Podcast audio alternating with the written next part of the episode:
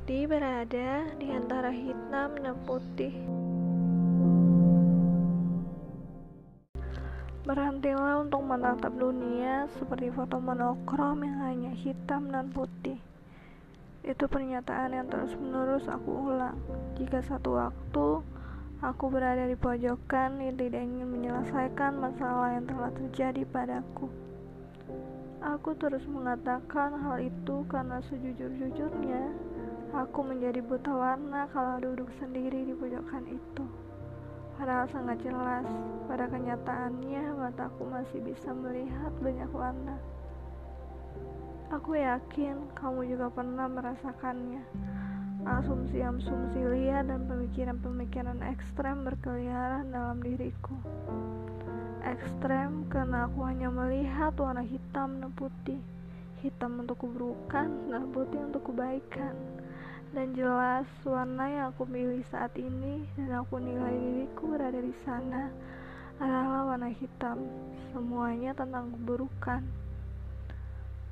Hitam tentang pikiran bahwa segala hal di belakang hari ini dan hari kedepanku adalah gelap. Padahal aku sendiri tidak pernah tahu bagaimana hari ke depan akan berjalan. Dan aku pasti tahu tidak hanya ada hitam di wajah masa laluku.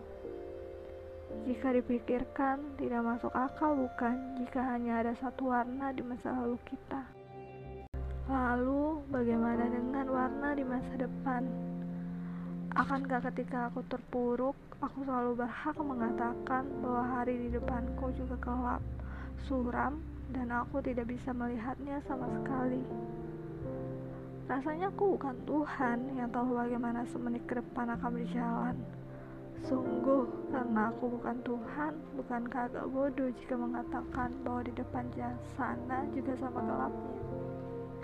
Oke, okay, aku memaklumi jika aku sangat depresi atau kamu sangat depresi. Rasanya juga tidak mungkin untuk langsung bersorak, Hai, bukankah kamu sendiri yang mengatakan berhenti untuk berada di antara warna hitam dan putih itu? Lalu, kenapa kamu masih bersedih sekarang?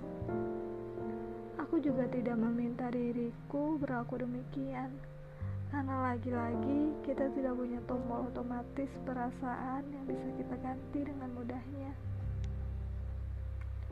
Selalu ada proses untuk merasakan kesedihan, kemudian kesedihan itu terlupakan, entah karena alasan apa pun. Aku dan kamu selalu bisa memilih untuk memikirkan apa yang hendak kita pikirkan setelah sejenak bersedih melanjutkan kesedihan tersebut dan merasa kalau semua hal di depan akan gelap atau kemudian teringat oh iya dulu kan aku pernah bilang bahwa aku harus belajar untuk tidak selalu berada di antara hitam dan putih. Kita mungkin berpikir tidak ada harapan dalam ruang gelap sekalipun tapi kenapa masih saja ada sedikit cahaya dalam ruang gelap tersebut setitik cahaya dalam diri kita yang terdiam di pojokan itu.